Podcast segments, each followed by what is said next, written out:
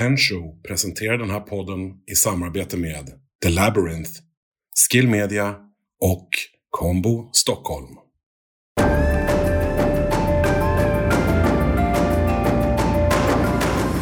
Ja. Välkommen Lotta Gröning! Tusen tack, vad roligt att vara här. Ja, jag ska bara snabbt eh, för alla som kanske en, inte vet vem du Nej, är. det vet inte alla. Nej, du har, eh, du har en bakgrund, du kommer från Norberg, därav dialekten. Jag ska försöka att inte härma Härma dig. dig, nej. Jag har ju härmningstourette. Ja, jag vet, jag vet. Jag kan inte låta bli att härma när Nej. jag hör dialekter. Nej. Och det, jag hamnar i väldigt konstiga situationer. Om och om igen. Ja. Men jag, jag försöker. Men du är ju så fenomenalt duktig också när du läser in dina böcker och har olika dialekter för dina eh, Ja, för de olika huvudro- eller innehavarna. Och jag, Ja. har, jag har faktiskt en- en beundrarhälsning till dig från Västerbottens inland som säger att hon skiter i vad det är för deckare du, du läser. Hon vill bara höra dialekterna. Det är lite underbart. Det är- häftigt. Hon älskar att lyssna på dig. Ja, det är Så fantastiskt. hon sa det, om du har nu kan komma in med det så säg det och hälsa från Ines. Och då gör jag det. Ines, då hälsar jag tillbaka till Ines. Att vi tackar Ines. Du Lotta Gröning, eh, du är uppväxt i Norberg Mm. och du bor fortfarande i Norberg. Ja, jag, jag kom tillbaka dit. Jag är alltid lite skeptisk mot människor som bor kvar där de föddes. Ja, det är jag också faktiskt om Ja. jag ska vara ärlig. Ja. Jag hade ju inte en tanke på att flytta tillbaka till Norberg. Jag, jag bodde ju i Norrbotten i 13 år. Exakt. Och jag hade inte en tanke på att flytta ba- tillbaka dit. Men jag kom ju ner med sex hästar. Islandshästar. Ja. Och eh, jag, i Norrbotten bodde jag ju i ett ganska vackert hus, liksom eh, en gammal skola, ett jugendhus. Och sen Mm. då när jag skulle flytta ner då med mina hästar och med min dotter så tänkte jag att jag tänkte faktiskt, jag kan ju inte flytta in i något så här vanlig, vanligt liksom byggt, nybyggt hus. Mexitegel Nej, jag fort, måste liksom. liksom. Jag måste ha mark till mina hästar och jag måste, jag måste trivas hur jag bor. Ja.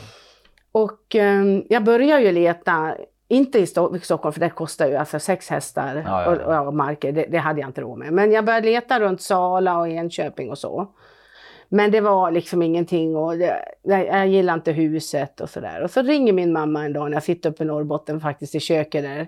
Jag hade ju ett väldigt fint kök. Ja. Och jag säger, jag kommer aldrig att hitta något hus. Jag så grina där. Och då sa han, du vet att det är ett hus hemma i byn Olspänning som jag bor i då. Ordspänning. Ja, och, och det, det är till salu och den byn det är en sån här K-märkt gammal bergsmansby. Mm. Och jag sa jag tar det, jag tar det, jag tar det. För jag visste alla hus var fina där liksom. Ja, ja.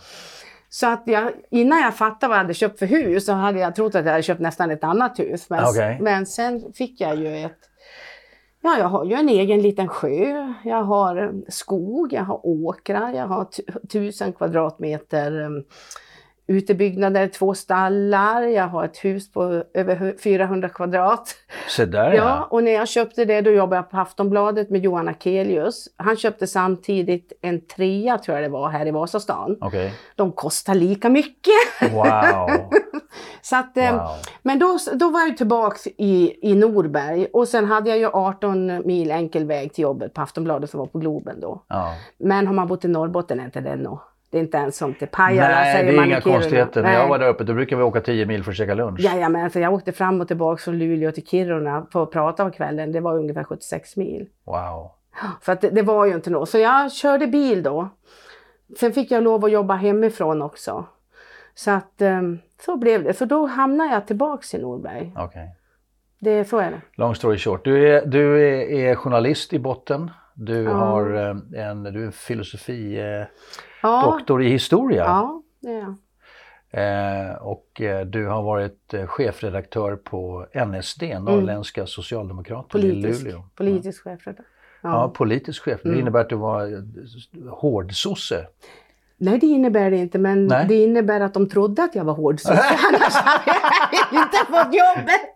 Är det så? Ja, det är det. Så, Ja, ja. så att eh, det var ju Anders Sundström och kompani. Jag hade ju jobbat, när jag, när jag hade disputerat så fick jag ju jobb eh, först på 68 bland- för- Socialdemokraterna. Ja. Det var John-Olle Persson som 68 vad är det? Ja, Sveavägen 68, Mm. Rikskansliet där. Mm. Ja.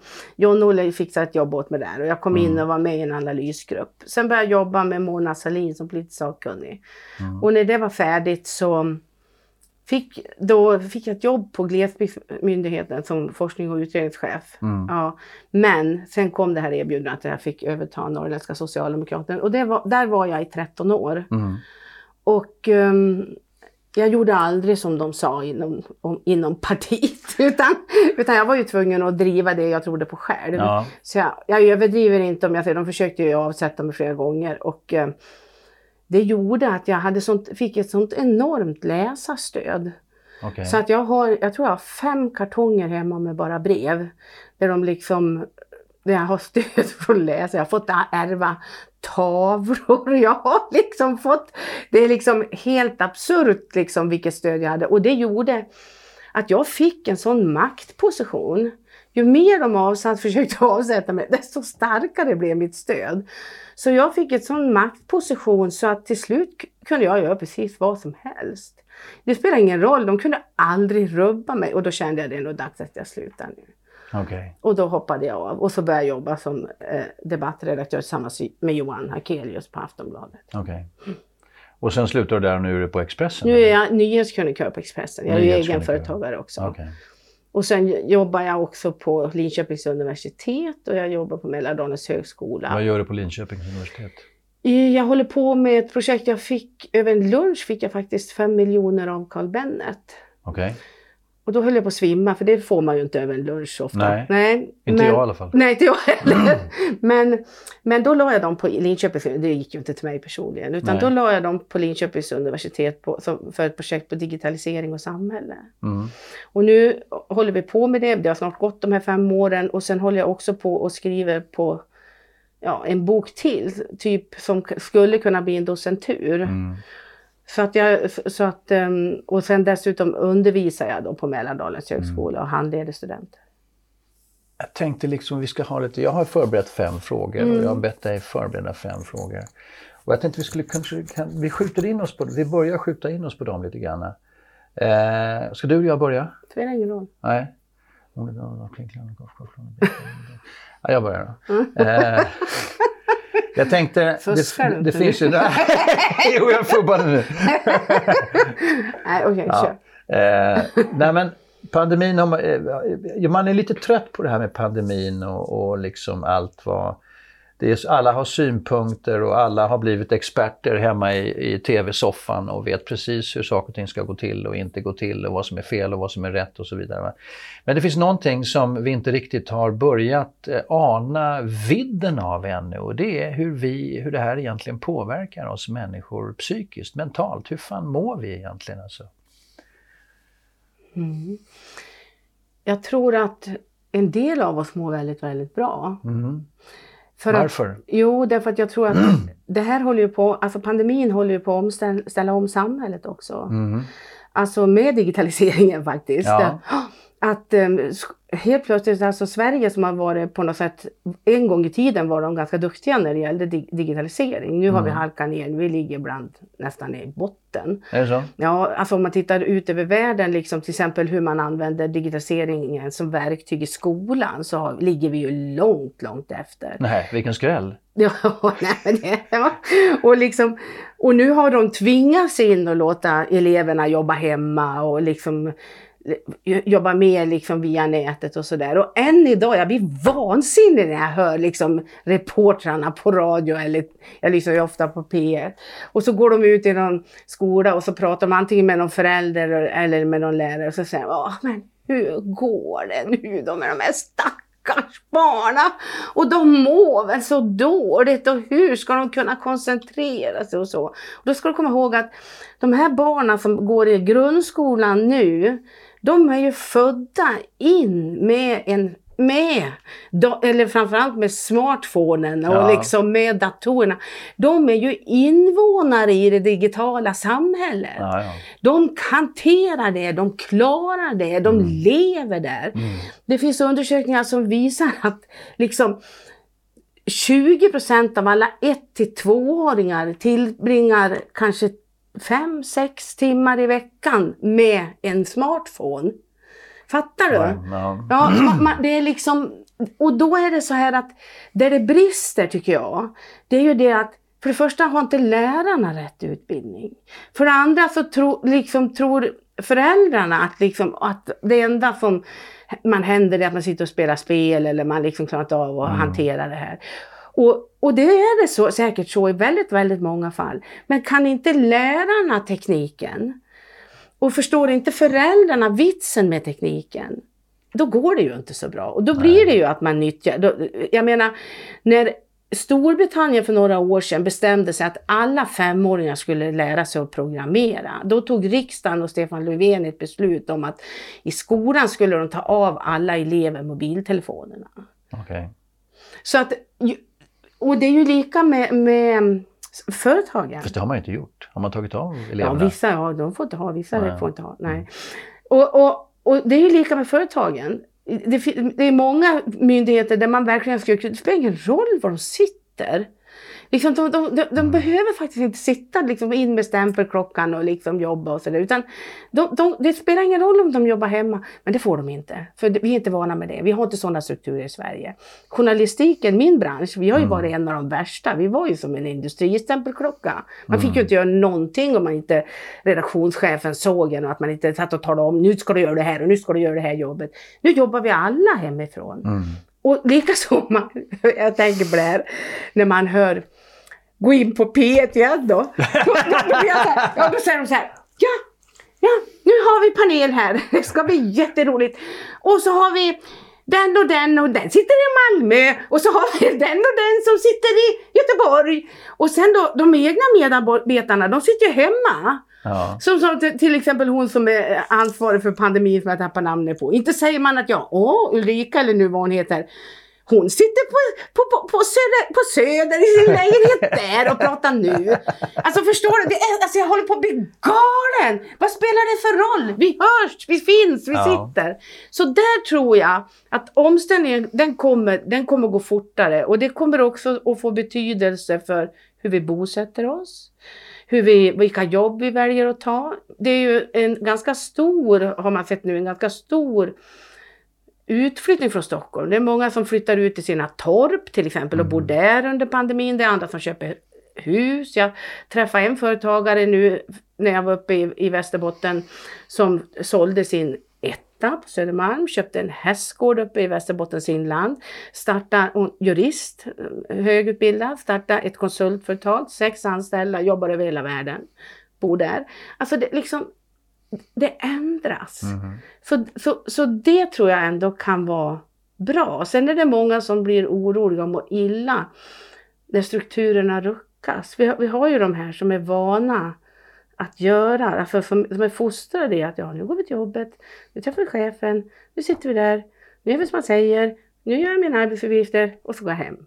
Mm. Så att det, det, det är ju en krock givetvis. Nej, men det, det där är ju en sak som är, som, är, som är, men jag tänker också hur vi mår. Därför, förändring är ju det som egentligen är eh, människans som varelses eh, största källa till ångest och största ångestframkallande orsaken att saker och ting förändras.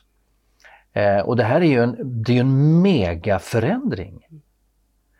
Och eh, jag tror att det finns positiva saker med det, men sen är det ju så här också att vi människor, vi är ju flockvarelser.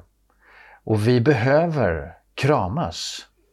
Och får vi inte kramas utan måste hålla avstånd mot varandra eller till varandra så kommer vi så småningom att bli sjuka tror jag. En annan sak som jag också tror är väldigt, är väldigt eh, eh, ångestframkallande är ju brist på besked, tydlighet. Men vårt sätt att, eh, jag tror att det där skapar den där ovetskapen och ovissheten, vad kommer det här att leda? Jag tror jag också är väldigt ångestframkallande. Vi vet ju inte om, vi, om det liksom... Nej, vi vet ju inte. Kan Nej. vi återgå till det normala? Nej, Nej. Kan vi börja resa igen? hur då? Ja, nej men precis. Alltså Mm. det, det, det är klart, alltså, och det, det är så mycket som kommer, kommer liksom. Det är inte bara det här. Alltså det, det, det verkar ju vara... När kommer nästa virusattack då? Mm. Liksom? Och när kommer ett virus som slår ut hela internet? Ja, till exempel. Vi är ju väldigt sårbara där. Ja. Så att vi står, men samtidigt så har vi inte alltid levt under sådana här hot egentligen.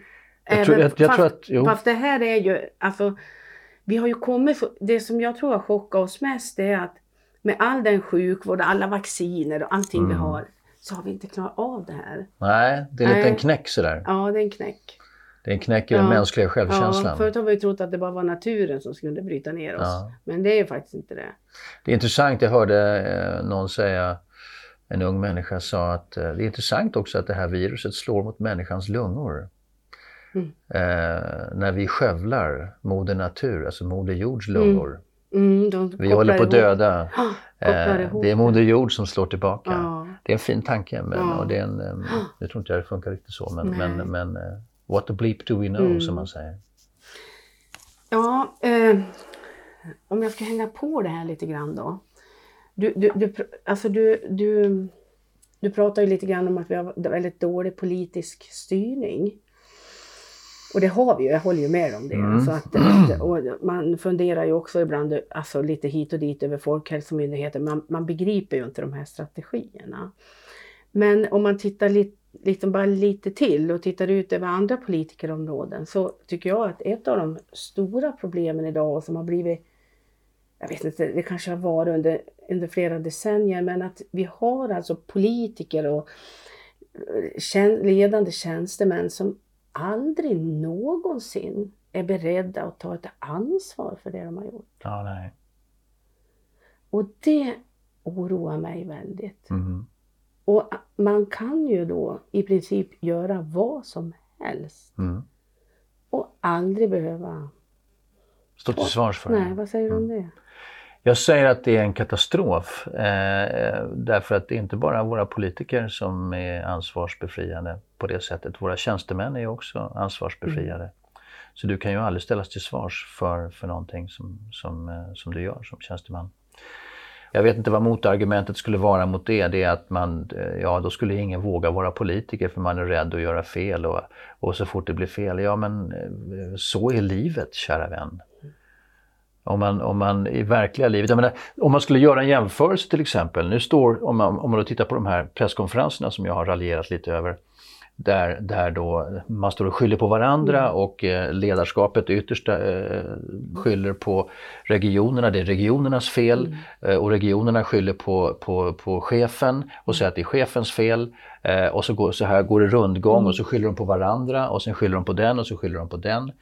Om du skulle ta den och flytta över det, det uppförandet till ett, ett privat företag, eh, kanske Scania eller, eller någonting. Det, det- alltså det går ju inte. Det finns inte i tanken. ah, då, då, då, foten direkt, det finns inte Nej. på kartan. Och Sverige, det går att jämföra, det- vi drivs ju av eh, ekonomiska krafter. Och liksom, det är ingen skillnad. Det är ingen skillnad. Nej. Och sen har vi också en, en slags verklighetsförnekelse i, i, i Sverige. Och, och det som jag tycker är lite obehagligt är den här eh, självcensuren som vi håller på med. Det vill säga, vi kan inte prata om det, vi kan inte prata om det, vi kan inte prata om det. det är, om vi inte kan prata om alla frågor, hur känsliga de än är, och på vilket sätt att för, föra fram alla tankar. Eh, vi säger att vi har åsiktsfrihet och tankefrihet och yttrandefrihet i Sverige. Det har vi långt ifrån. Jag menar, det var till och med Vilhelm Moberg 1956 som myntade begreppet demokratur. Eh, därför att han menar på att... Och det intressanta med det här är också att det var en finsk docent, som jag inte kommer ihåg vad han hette nu, forskare som, som eh, skilde på eh, liberal demokrati och totalitär demokrati. Mm. Där den liberala demokratin liknar det som är tanken med en demokrati. Eh, Medan den totalitära demokratin är då en demokrati där den styrande, eh, eh, de gör som de vill lite granna. Eh, de tillåter kritik, men de lyssnar inte på den. Och de tar det framförallt inte till sig. Det, det kommer att kosta tror jag i, i en framtid. Vi kommer att få betala ett högt pris för det. Frågan Vi är- medborgare. Ja, vi medborgare. Mm. För, för det som, när jag upptäckt, eller jag har ju sett det länge, för man ser ju eh, folk som protesterar. Vi får ju många av de här som blir, alltså man, man ger inte upp. Vad heter det när man liksom, de blir rättshaverister. Ja, rättshaverister Ja, ja. har jag blivit kallad. Ja, bara för att man liksom inte ger upp och håller käften. Ja. Men alltså grejen med, med, med jag, en kompis till mig eh, som är en, en superentreprenör och mediaprofil och allting. Han säger, men jag är rättshaverist. Ja, ja, för fan, jag är det. Ja, Därför, och, och, och liksom, för grejen, vad är det? Jo, det är någon person som tycker att rätt ska vara rätt. ja. Och så när som- rätt inte blir rätt, ja, men då, då ger vederbörande sig inte. Då blir man rättshaverist. Vad, vad är det för någonting? Och det har visat sig också genom undersökningar att ofta har de rätt. Ofta har de rätt. Ja. Ja. Men de får inte rätt. Nej. Nej. Och det som jag, ett exempel som, som har bränt sig in i min hjärna som jag bara vill berätta om just när det gäller att inte ta ansvar.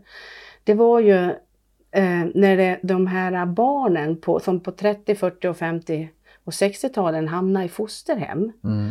och blev misshandlade, våldtagna, slagna, du vet som staten. Och de gick ju ut då, de samlade sig ju och gick ut till regeringen. Ehm, eh, först var det Socialdemokraterna, sen var det en borgerlig regering. Och krävde ersättning. För att de har fått sina liv förstörda. Mm.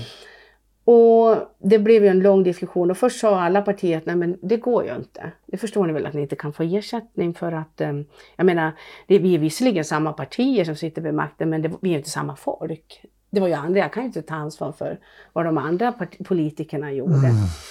Och det blev ett himla liv och sen då blev det till slut i alla fall att Maria Larsson, det, det var så stor diskussion så Maria Larsson kom på en idé om hur de skulle kunna få ersättning. Maria Larsson var... Hon var vi- socialminister Mm. KD i, i, i en borgerlig regering då. Och vet du hur de fick ersättning? Nej. Av nåd. Nåd. Mm. Vi kan ge dem ersättning av nåd. Och sen har de nästan inte fått ut den ändå heller. De har haft jättestora problem. Det är, en väldig, det är en väldig häst man sätter sig på Ja. som politiker när man ser så ner. Mm. Jag menar Astrid Lindgren sa, en väldigt, hon sa mycket klokt och Mm. var en väldigt klok eh, dam. Ehm, och en av våra stora författarinnor. Ehm, hon sa, den dagen politikerna slutar lyssna på medborgarna Mm. är det dags att byta ut dem. Mm. Och det har hon förbannat rätt i. Vi har passerat den dagen Väldigt. för länge sedan, Ja. tycker jag. Av nåd. Ja, och vet du, samma dag i princip som den nyheten kom, då lyssnade jag återigen på P1 och Ekot. Och då var det en nyhet om att eh, barn får så illa på behandlingshem. Och de hade en ung tjej, jag tror hon var 15 år, hade de tagit av alla kläder och slängt in i isoleringscell och låtit henne sitta ensam i, i flera dygn. Så när hon sa att de kunde få ersättning av nåd så pågår fortfarande samma skit. Märkligt. Och då undrar man, va, va, hur, hur tänker man? Ja, det är... Sen kan jag tycka lite grann också sådär, var, var, det, är, det är min nästa fråga till dig lite grann. Men dels är det, eh, jag undrar lite grann över svenska folket liksom. Det, det, det verkar som att man kan knuffa, som lämlar liksom. Man kan knuffa dem i vilket håll som helst. Och vi är väldigt lättledda Mm, faktiskt. det är vi. Ja.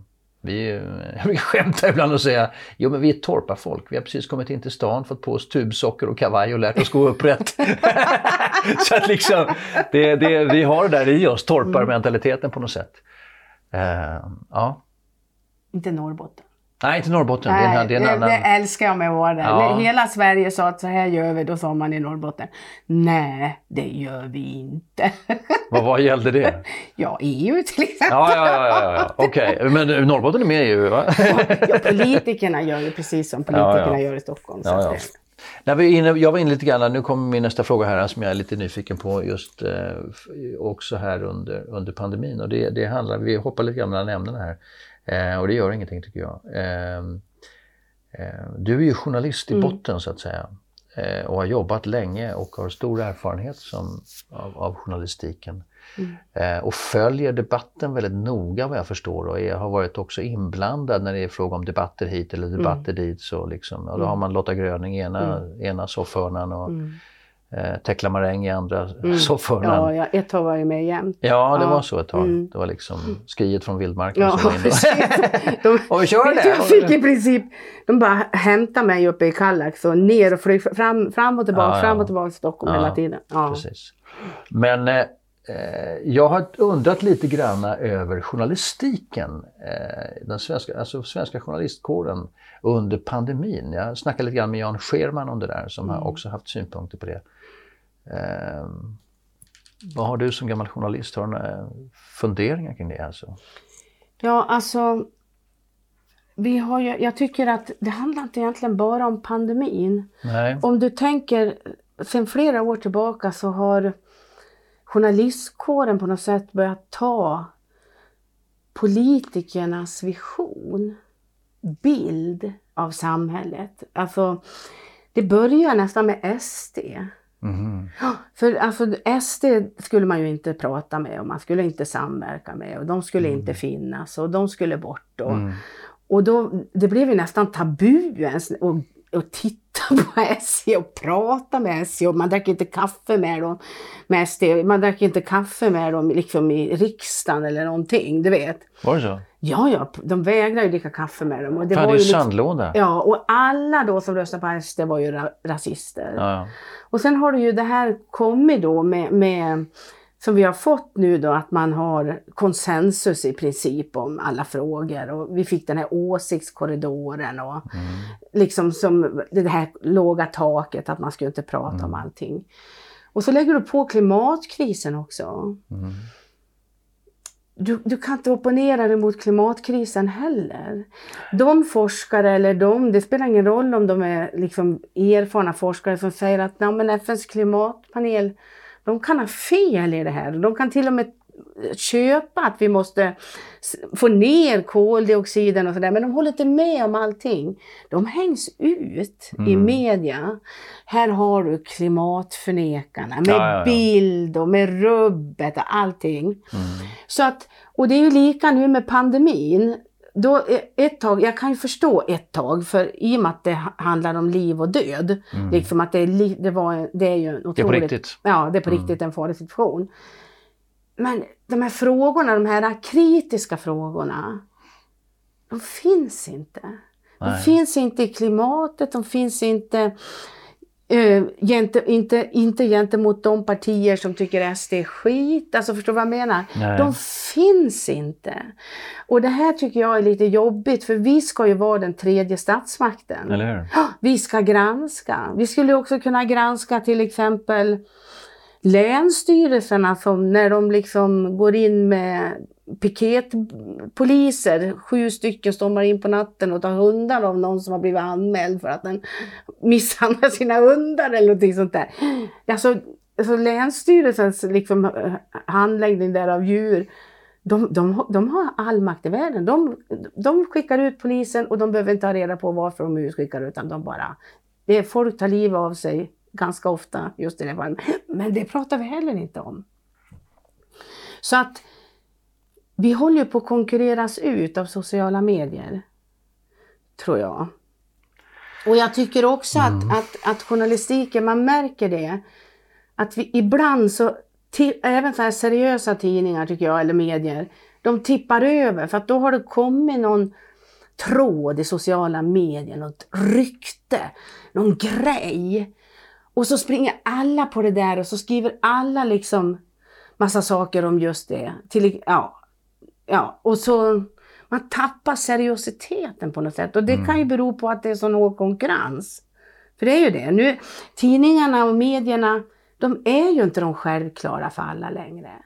Man hittar ju sin politiska hemvist, sina vänner, sina åsikter, sina hat, allt vad det är. De finns ju där i de sociala medierna. Mm. Det är ju där åsikterna formas. Mm. Så att eh, vi har lite problem vi inom media kan jag säga. Vi har Mm. det. Så att, eh, men nu börjar de ju få konkurrens. Så att nu börjar det liksom tidningarna rycka upp sig lite grann. Men om jag ser på mina tidningar hemma, alltså den närmaste tidningen, Fagersta-Posten. Jag skulle, inte betala, jag skulle inte betala en krona för att få den. Nej. Annonsbladet är bättre. Ja, okej. Ja men så är det. ja. Men Avesta Tidning som ligger på andra sidan, Ja. de är nu uh, de har blivit tre, fem tidningar utsedda som bästa dagstidningar. Mhm. Och den, för det är lite olika på vilka det är som styr. Så att, Okej. så att um, Nej, jag tycker att vi håller på att tappa vår roll. Ja, jag tycker det också. Jag tycker att vår också- statsbärande roll. Ja, jag menar Och jag... demokratiskt inte minst. Ja, framförallt skulle jag säga. Ja. Ja. Jag tänkte på vad du sa med Scherman. Och jag vill Ja. prata demokrati med dig sen. Så att vad heter det, det, det absolut. Ja. För att jag, eh, jag, jag har en, en bekant som är forskare eh, inom medicin och som är italienare eh, och som forskar på Karolinska. Eh, och eh, bor och lever här, svensk familj och man säger jag kan inte, jag kan inte, jag kan inte titta på, på, på svenska nyheter, det går inte, de är alldeles för vinklade. Mm. Så han tittar på alla möjliga, han kollar på sin, sina italienska nyheter och Al Jazeera, den Mm. Ja, de engelskspråkiga. bra. Mm. Al Jazeera ko- kollar jag på hela Mm, tiden. gör jag. Jag skiter fullständigt i, jag kan titta på Agenda ibland om jag liksom vill, vill se. Ja. Men då tycker jag också att, att man, eh, eh, det var ett väldigt försök här man gjorde med, att, att, eh, med utfrågningar här i, i, i pandemin. Men, men det blev lite konfrontatoriskt istället för att Alltså det, det är mycket smartare att vara, liksom, eh, va- vara liksom lirka lite istället för att ställa sig så direkt. Liksom. Mm, mm. Istället för att, okej, Mm. berätta, vad, hur, hur funkar det? Mm. Och så sitter man med shitload of ammunition bakom Mm. sig. Ja, ja, okej, hur tänker du då? Jo, så, så, så. Ja, men Mm. eh, så här sa du då. Mm. Eh, och det här är verkligheten enligt de forskarna där. Vad säger du då? Mm. Alltså istället för att bara gå pang på. Så det blev så konstigt. Jag håller med dig till fullo. Ja, Mm. Jag håller med dig till fullo. därför att Vi de hade, måste... det, de här presskonferenserna Ja, med skämtar du pandemin. eller? Det var den här tysken alla kommer ihåg. Kommer du ihåg? Den här tyska journalisten. Som hela tiden, varenda presskonferens, Ja. ställde de här kritiska frågorna. Ja, Och sen satt hela svenska media där och så, Ja. att den, då kom man, Oj. ja, nej, då liksom, och nu tar jag samma fråga igen och han får aldrig något svar. vad jobbigt det är. Det är dålig stämning här. Alltså man undrar, det, vad, är det för, vad är det för tomteverkstad ibland undrar jag? Mm. Sandlåda? Liksom. Och sen upptäcker jag nu också att när det kommer då ett gäng kritiska forskare eh, som säger, och de, har ju, de började med att knacka på dörren till, Mm. till Folkhälsomyndigheten och Ja. säga, okej grabbar, det här, eller tjejer och killar, fick fan, människor, Mm. det här är en pandemi. Ja. Kan vi hjälpa till? Ska Mm. vi slå våra kloka huvuden ihop? Nej, det, vi klarar oss själva. Ja, nej, men det Vad är, ju- är det för någonting? Ja, nej, det är helt... Det är och alltså- dessutom blir de uthängda. Ah, det vet Ja. det där är, det Som liksom passerar. svikare och liksom Ja, ja, nej. okunniga. Och, Ja, nej, nej, det är hemskt. Och det sista här, nu- ja, ja. Ja. Det var det. Det där kan vi snacka mycket om, men vi ska inte grotta för mycket. Det blir, det blir kl- klagopottan nummer ett här. Men, men, men det, det, är viktigt, det, det, det där tycker jag är en viktig poäng faktiskt när det gäller journalistiken. Mm. Jan Scherman var, hade ju också, var väldigt... Eh, Jag har också pratat med honom, han är jättetydlig i det. ja, han är väldigt tydlig i det här. Han har gjort jättemycket om demokrati också. Ja. Ja. För att det är... Så är det.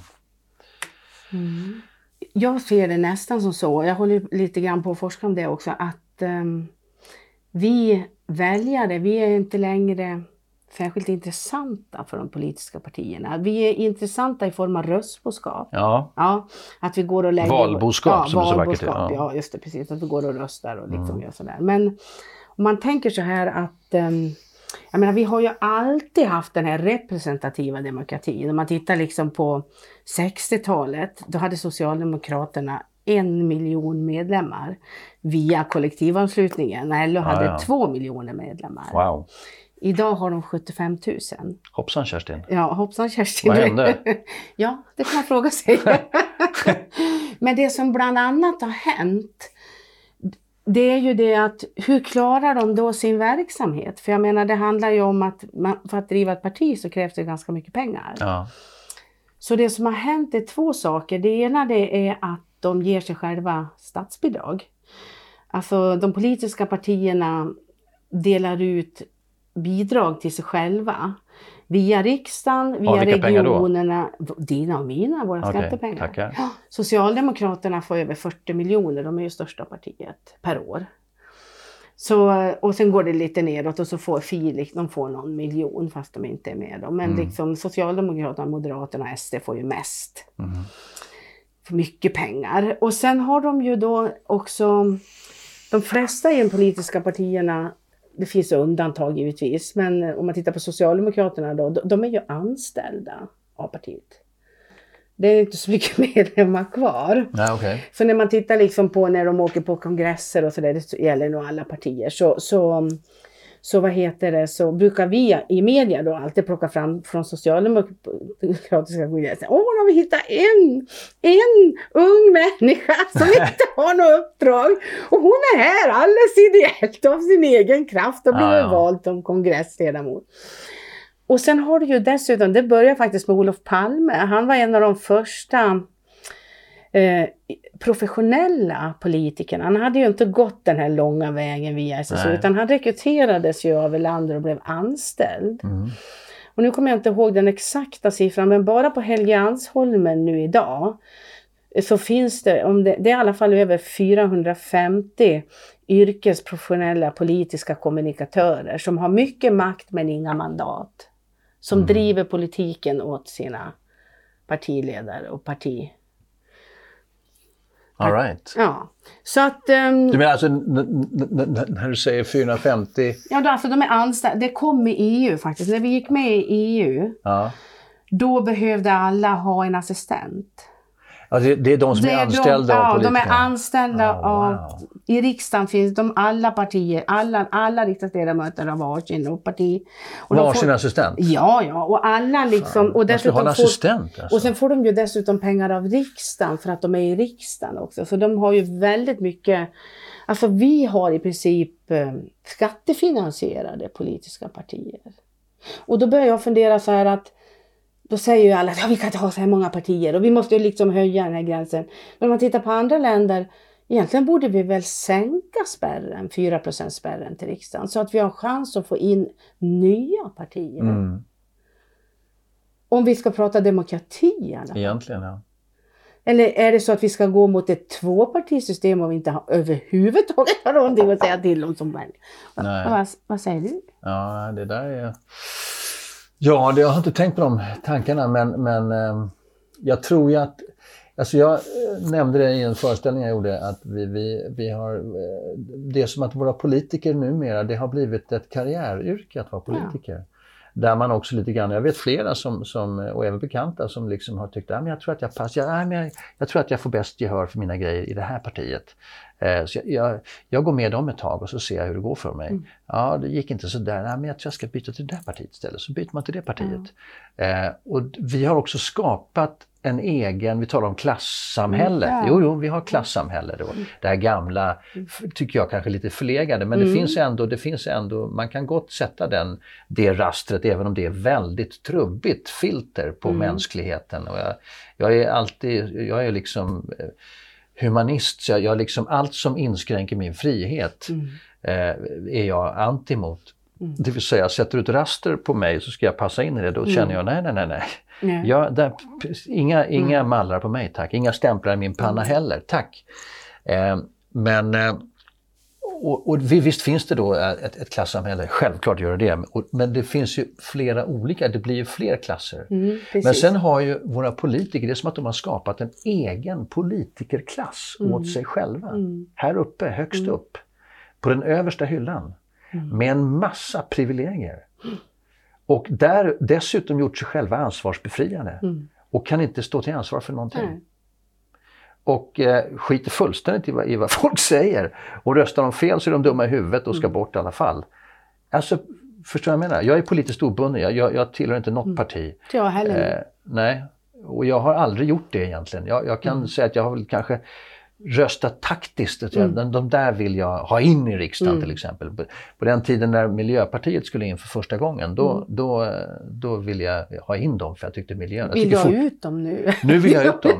Ja. Inte för att jag inte tycker miljön är viktig, Nej, tvärtom. nej, det är en av nej. mänsklighetens absolut viktigaste Ja, ja, frågor. så. men om, men miljön, det är en global fråga. Ja, det, ja. Och eh, där kan jag säga att våra svenska miljöpartister är ute och cyklar. Sen vet, jag är inte säker på att det är ett miljöparti längre. Nej. Och bara här i Stockholm. Jag menar, anledningen till att jag överhuvudtaget existerar på sociala medier på det sätt jag gör, det är för att jag eh, snear till på Stockholmstrafiken. Där vi tror att vi ska kunna cykla jorden ren. Mm. I Stockholm, en av världens absolut renaste städer. Mm. Och så förstör man eh, infrastrukturen helt och hållet så att bilarna det bara tjockar ihop och, alla står och spyr avgaser. Mm. Och sen ska det vara elbilar. Ja. Ja. Vad, vad går de på? ja, det kan man undra, hörru du. Det ska jag nog ta in, in längre fram, men, men det här med el, jag är inte ett dugg, batteribilar kallar jag för, Mm. och battericyklar. Det, det kommer en framtid, det gör det. Eh, vi kommer att hitta lösningar på, på det där, Mm. men, men som de elbilar vi har idag, de batteribilar vi har idag. Du vet, de här små AAA Mm. Ja. de ska vi lägga i en speciell låda. Mm. Därför att de är miljöfarliga. Mm. Litium, kobolt, you name it. Ja, nej det... Ja. Ett bilbatteri. Are you kidding? Nu kommer jag till Ekot igen. Ja. Eller till P1. De, de säger ju hela tiden, sist hörde jag att ah, nu slår elbilarna försäljningsrekord. Ja, ja, ja. Åh, det är så många bilar som går på våra... Jag tittade här för några månader sedan. Vet du hur många elbilar som är sålda? Både med då, ja faktiskt, jag tror det var både elbil och eh, sån här både och. ja. Hybrid. Mm, 34 000. 34 000. Ja, det, liksom, det, det, alltså det är inte många och ändå Nej. så går nyheterna ut hela tiden. Åh nej men nu är det försäljningsrekord på. Jag kan ibland känna, jag får en känsla, det här är inte alls, jag, jag kan inte eh, belägga den med någon slags eh, eh, forskning eller siffror eller någonting, men jag får en väldigt stark känsla av att eh, våra journalister går faktiskt i, i, i, i det svenska, alltså na, det, det, det gängse narrativets ledband. Mm. Eh, nu ska vi tycka det här, nu ska vi tänka det här. Och är det någon... Plötsligt så har det förts fram kritik om att, men vänta nu, det här med munskydd, alltså, ur- ursäkta mig, vad håller vi på med? Till exempel, eller ta Mm. någonting annat. Då, det går inte mer än ett par, tre dagar. Då har någon tidning, några journalister grävt fram någon som, nej men det där stämmer inte.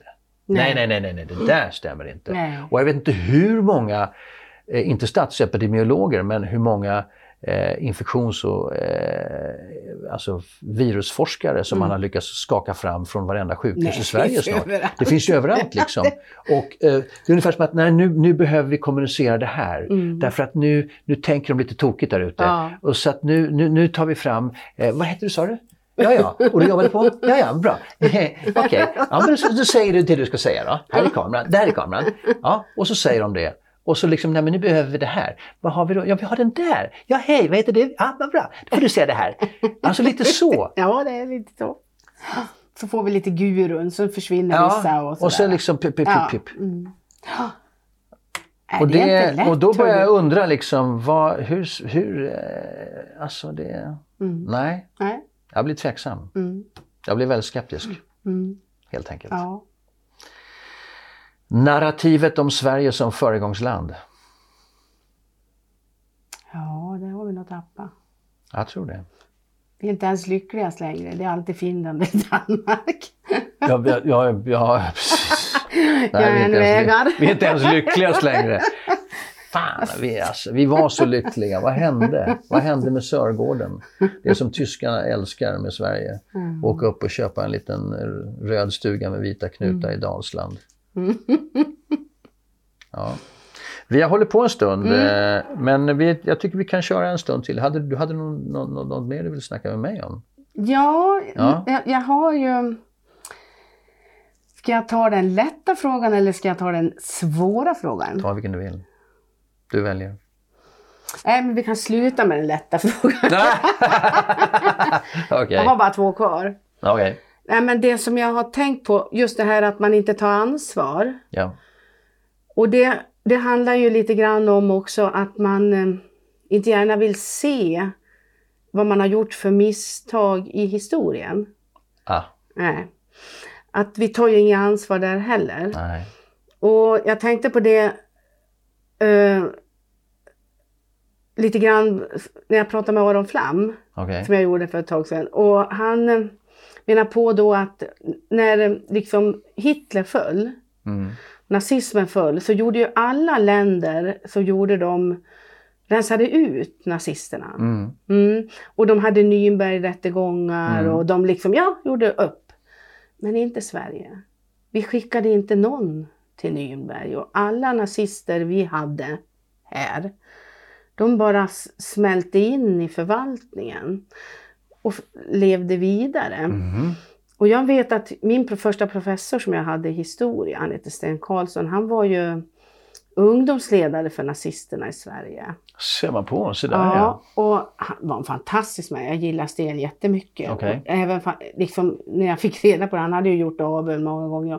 Men han var ju inte den enda, utan det var ju liksom bara det att vi, vi, vi gör inte upp på något sätt. Och nu tänker jag, jag läste Eh, en debattartikel i Expressen nu när jag åkte ner hit och då visade det sig att eh, det var några unga människor, judar nere från Malmö som sa att nu är inte längre eleverna, de judiska eleverna säkra på gymnasieskolorna i Malmö. Och nu är det också så här att judar, både när det gäller Malmö och Göteborg, törs, de flyttar, de har svårt att bo kvar. På grund av alla påhopp och hot och jävla judejävel och sånt där. Är det så? Ja, så är det. Och vi har ju till och med blivit kritiserade väldigt hårt från USA på att vara väldigt antisemitiska i Sverige och regeringen har försökt svara och regeringen de ordnar stora konferenser och nu ska de göra ett, ett förintelsecenter i Stockholm och inte då i Malmö och Göteborg där det kanske är som värst. Då. Och det, på något sätt att, eh, och vi hade ju jättemånga, vi hade Her- Herman Lundberg som gav hela den ariska rasen, hur den skulle se ut, gav han till Hitler. Ja, ja, det Ja, Uppsala. Vi hade ehm, Rasbiologiska institutet. Jajamensan, han var ju där. Och vi hade Sven, Sven vad hette han, upptäcktsresande? Sven, Sven Hedin. Sven Hedin, ja. Som till och med höll tal på olympiaden. Hitlers olympi- 39. olympiad. 38 var det väl? Ja, 39. 38, 39. Ja. Och, och, och när man tittar på det här, som man tittar till exempel, SSU har ju haft eh, eh, de hade ju ett demonstrationståg i Malmö också där det var några som gick och skrek ut med judarna, ut med judarna, ut Oj. med judarna. Ehm, varför gör, varför, varför gör, varför är vi, vad är det här? Var, varför, varför slår vi inte näven i bordet? Och, jag menar, Jan Scherman har vi pratat om, han var ju i Almedalen satt han ju Mm. på, eller i Göteborg satt han Mm. på plakaten där. Varför eh, tillåter vi det här? Ja, det, det har jag faktiskt inget svar på. Men, men det är, Nej, det är en så- svår fråga. Alltså det det är egentligen en ganska enkel fråga. Eh, därför att eh, alla förintelseförnekare kan hoppa i samma tunna och dra en eh, sopsäck över sig, tycker jag personligen. Eller så kan de eh, åka ner eh, till Auschwitz, eh, Mm.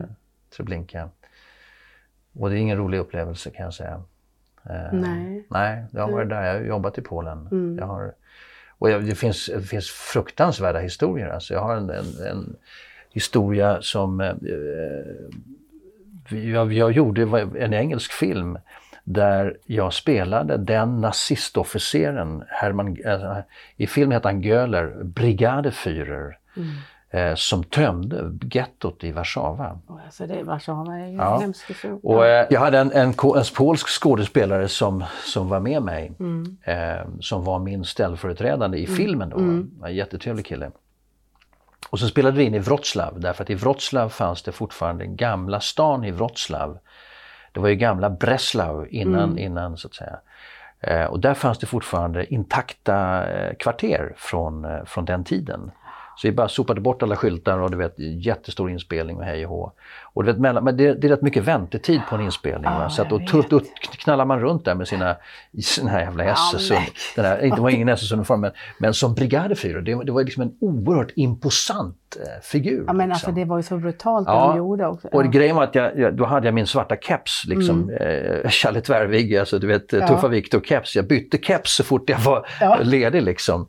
Eh, och sen vi, när vi gick och hade väntan på en 20 minuter, då gick vi bara, då hade jag liksom, det var så kort väntan så då hade jag hade jag liksom eh, eh, mössan på. Jag glömde bort det, så vi gick och snackade han och jag. Och så, och så går vi in på en gammal kullerstensgata och så plötsligt möter vi en gammal tant, hon är säkert 80-90 bast, släpande på två tunga kassar. Så tittar hon upp på två uniformer så här va. Och så smattrar hon av en replik på tyska, eller på polska. Eh, och man kände, shit, det där menade hon alltså. Och så frågade jag honom, vad, för han var ju polack, vad, vad, vad, sa hon?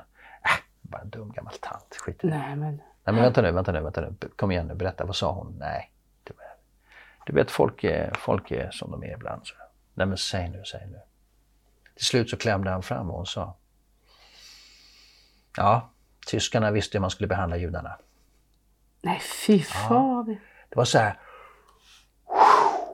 Uh, man bara röst till och tänkte ja. Polackerna var ju väldigt judefientliga. Var det liksom. Ja, alltså det var ju en av de Det är märkligt det där, det är, det är märkligt. och det här med konspirationsteorierna som florerar. Alltså, det är också, vi snackar om sociala medier, att de tar över så. Och det finns en fara med sociala medier, det är att alla de här prilliga konspirationer, jag älskar ju konspirationsteorier, men de här konspirationsteorierna med Quanon-rörelsen och antivaxarna och det här, det är så prilligt så att man baxnar ju. Mm. Det är så dumt som man tänker, nej men hallå. Nej. Jag menar, vi, jag och Thomas Borgström, vi, vi, vi, vi började skriva på en konspirationsteori i, i botten Ja. om förlisningen av Estonia, Ja. vad, som handlar, vad den handlar om. Ja. Vad, handlar, vad fanns i lasten? Och det här gjorde vi på 90-talet. Ja, det- Och Mm. eh, vi byggde vidare på det där och vi snackade också med han som var Svenska Freds, eh, vad heter han nu då? Han var ordförande för Svenska Freds ett tag, eh, också forskarkille. Men skitsamma, det var flera som sa ni är, på, ni är någonting på spåren grabbar. Mm. Och vi höll på med det där, och, eh, men vi kom aldrig till skott, vi fick aldrig till någon film Nej. och så vidare. Va? Eh, men eh, nu då, 90, alltså, det är en bra stund efter alltså. Ja. Så är det ju 20 år efter, mer, Ja, nu mer, börjar det. mer. Nu börjar det komma upp. Ja. Och det vi sa då, det vi baserade vår konspirationsteoretiska eh, manus på, visar sig att det är faktiskt, det ligger nog, det ligger nog väldigt mycket i det. Mm. Eh, Mm. det, så att, eh, men, men, men de här prilligaste konspirationsteorierna får, man, Mm. får mig att baxna. Så man tänker, men snälla rara människa där ute eh, Mm. som sitter vid din dator och, och tittar på internet och tittar på Facebook Mm. och tittar på, söker på Youtube och hej och hå. Och hittar en den ena efter en den andra. SVT gjorde faktiskt en bra dokumentär om vaccinkrigarna som heter Ja, Vaccinkrigarna. det vet jag, har sett den. Ja, Mm. gillar du den? Jag tycker den var bra. De tycker jag för det. också. var Mm. välgjord. Ja, bra. det var mässling. Ja, Mm, men det var mycket bra. bra. Mm. Mycket bra Mm. gjort. Eh, så Ja. att, eh.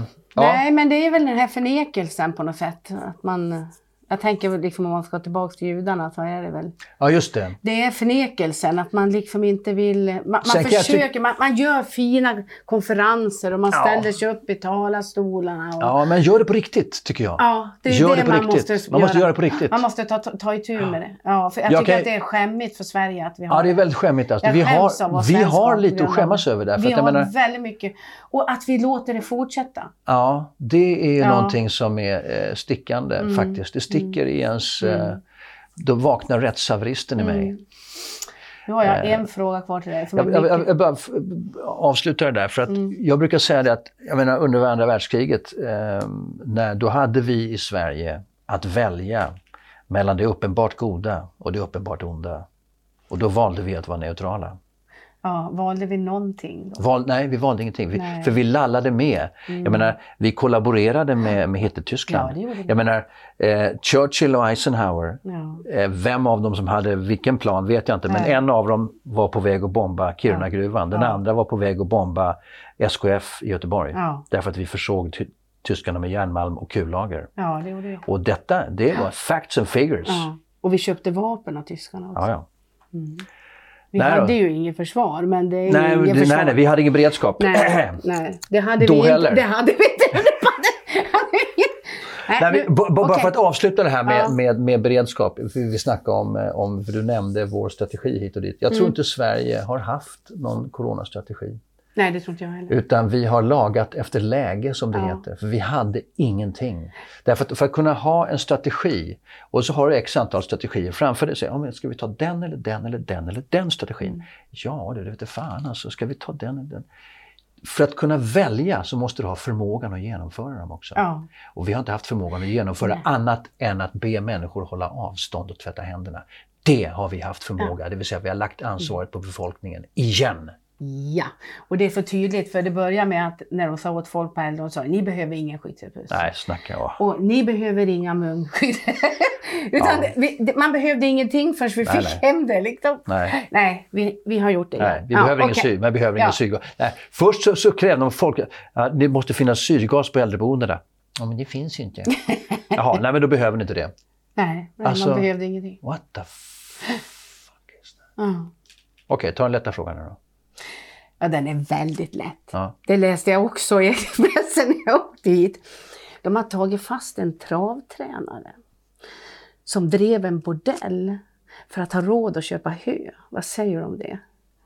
Det är fantastiskt.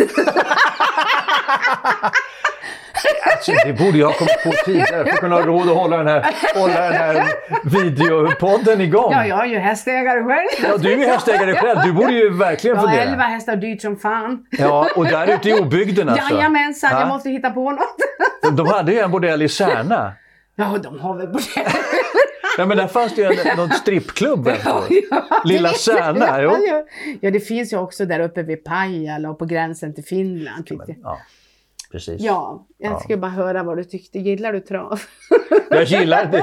Nej, jag- alltså jag är helt ointresserad av trav faktiskt. Ja, ja, oj då. ja. Jag, eh, Inte kringverksamheten jag heller är kanske. uppväxt i Täby, vet du, gamla Täby. Ja, Vi hade galoppbana. Ja, ja. Det är Så galopp tyckte jag var på riktigt. Och golf.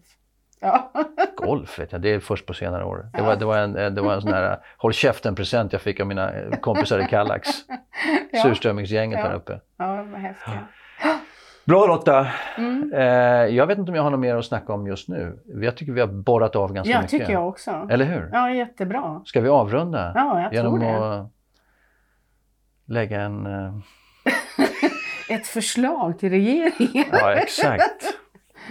Ta Ja, ansvar för fan. ja ta ansvar på Ja. riktigt. Mm. Mm. Håller med. Så är det. Ja. Där lämnar vi över till eh, höga vederbörande som jag brukar säga. Ja. Tenshow presenterar den här podden i samarbete med The Labyrinth, Skill Media och Combo Stockholm.